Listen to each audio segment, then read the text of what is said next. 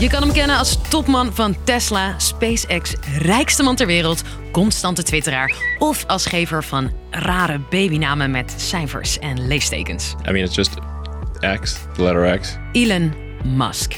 En vanaf nu kun je hem ook kennen als eigenaar van Twitter. The big breaking news this afternoon Elon Musk's Twitter takeover is a go. Elon Musk is buying Twitter for an estimated 44 billion dollars. Wie is die man die nu de baas is van een van de meest invloedrijke sociale platformen? En wat wil die ermee? Ik ben Sophie en dat leg ik je uit. Lang verhaal kort. Een podcast van NOS op 3 en 3FM. Musk, de rijkste man op aarde, werd geboren in de Zuid-Afrikaanse stad Pretoria in 1971.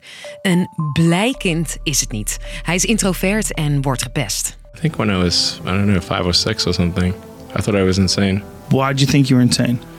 Because it was clear that other people did not. Their mind wasn't exploding with ideas. Daarnaast heeft Musk een gewelddadige vader. Zijn manier om te ontsnappen?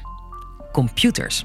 I taught myself how to program computers when I was a kid, um, and uh, my first computer when I was 10 and sold my first commercial program when I was 12. Op zijn zeventiende verhuist hij naar Canada, waar hij verschillende internetbedrijven opricht, koopt en verkoopt. De verkoop van X.com, wat je nu kunt kennen als PayPal, levert hem een leuk startkapitaaltje op voor zijn ruimtebedrijf SpaceX. 11, this is Houston, over. En brengt hem een stap dichterbij zijn misschien wel grootste levensdoel: de mensheid laten voortleven op andere planeten. Musk wil naar Mars. It will be dangerous, uh, cramped, difficult, hard work. Maar It'll be glorious. Naast deze science fiction plannen heeft Musk nog meer zeer winstgevende bedrijven, zoals Tesla, die als een raket gaan. People have no idea. This is this is going to be bigger than the car. En hij heeft dus macht. De meningen over Musk zijn verdeeld. Wil hij de wereld redden of is hij een op geld beluste miljardair met een messiascomplex? Op dit moment is het vermogen van Musk zo'n 277 miljard dollar. Hij gebruikt het op verschillende manieren, vertelt mijn tech-collega Nando Kastelein. Hij heeft een behoorlijk imperium opgebouwd de afgelopen jaren. En je zou dat kunnen omschrijven als een, een, een verzameling van bedrijven waarmee hij aan de ene kant het klimaatprobleem wil oplossen, aan de andere kant wil inzetten op de ontwikkeling van kunstmatige intelligentie. Hij steekt geld in chips, zonne-energie, hij wil overal internet brengen, het fileprobleem oplossen met tunnels. At this point, I'm confident this can revolutionize cities and get rid of uh, soul destroying traffic.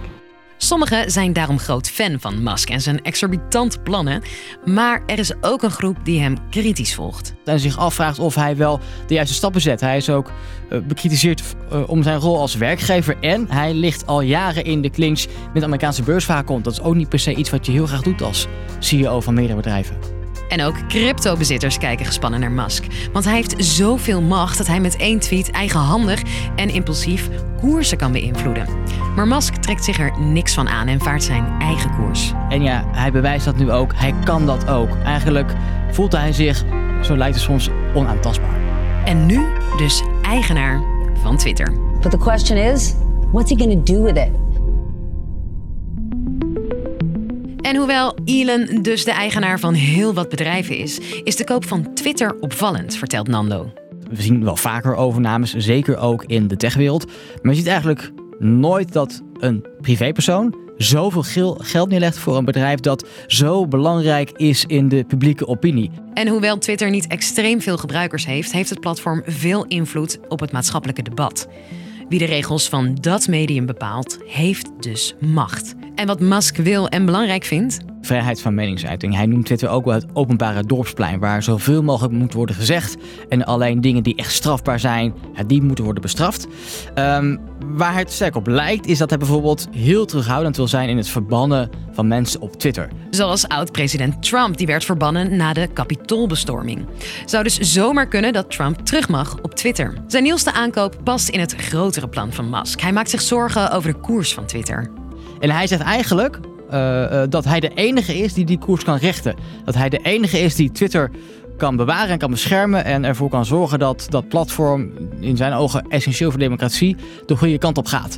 En door het te kopen heeft hij de zeggenschap en kan hij er doen met wat hij wil. En kan hij ervoor zorgen ja, dat het binnen zijn plaatje van de democratie past. Dus, lang verhaal kort. Multimiljardair Elon Musk is de nieuwe eigenaar van het invloedrijke platform Twitter. Waar sommigen vinden dat zo'n plek regels nodig heeft, wil Musk dus minder regels. Wat hij gaat doen en welke effecten dat gaat hebben, gaan we komende tijd zien. Morgen, rond de klok van 5, verrijken wij je weer met een nieuwe lang verhaal kort.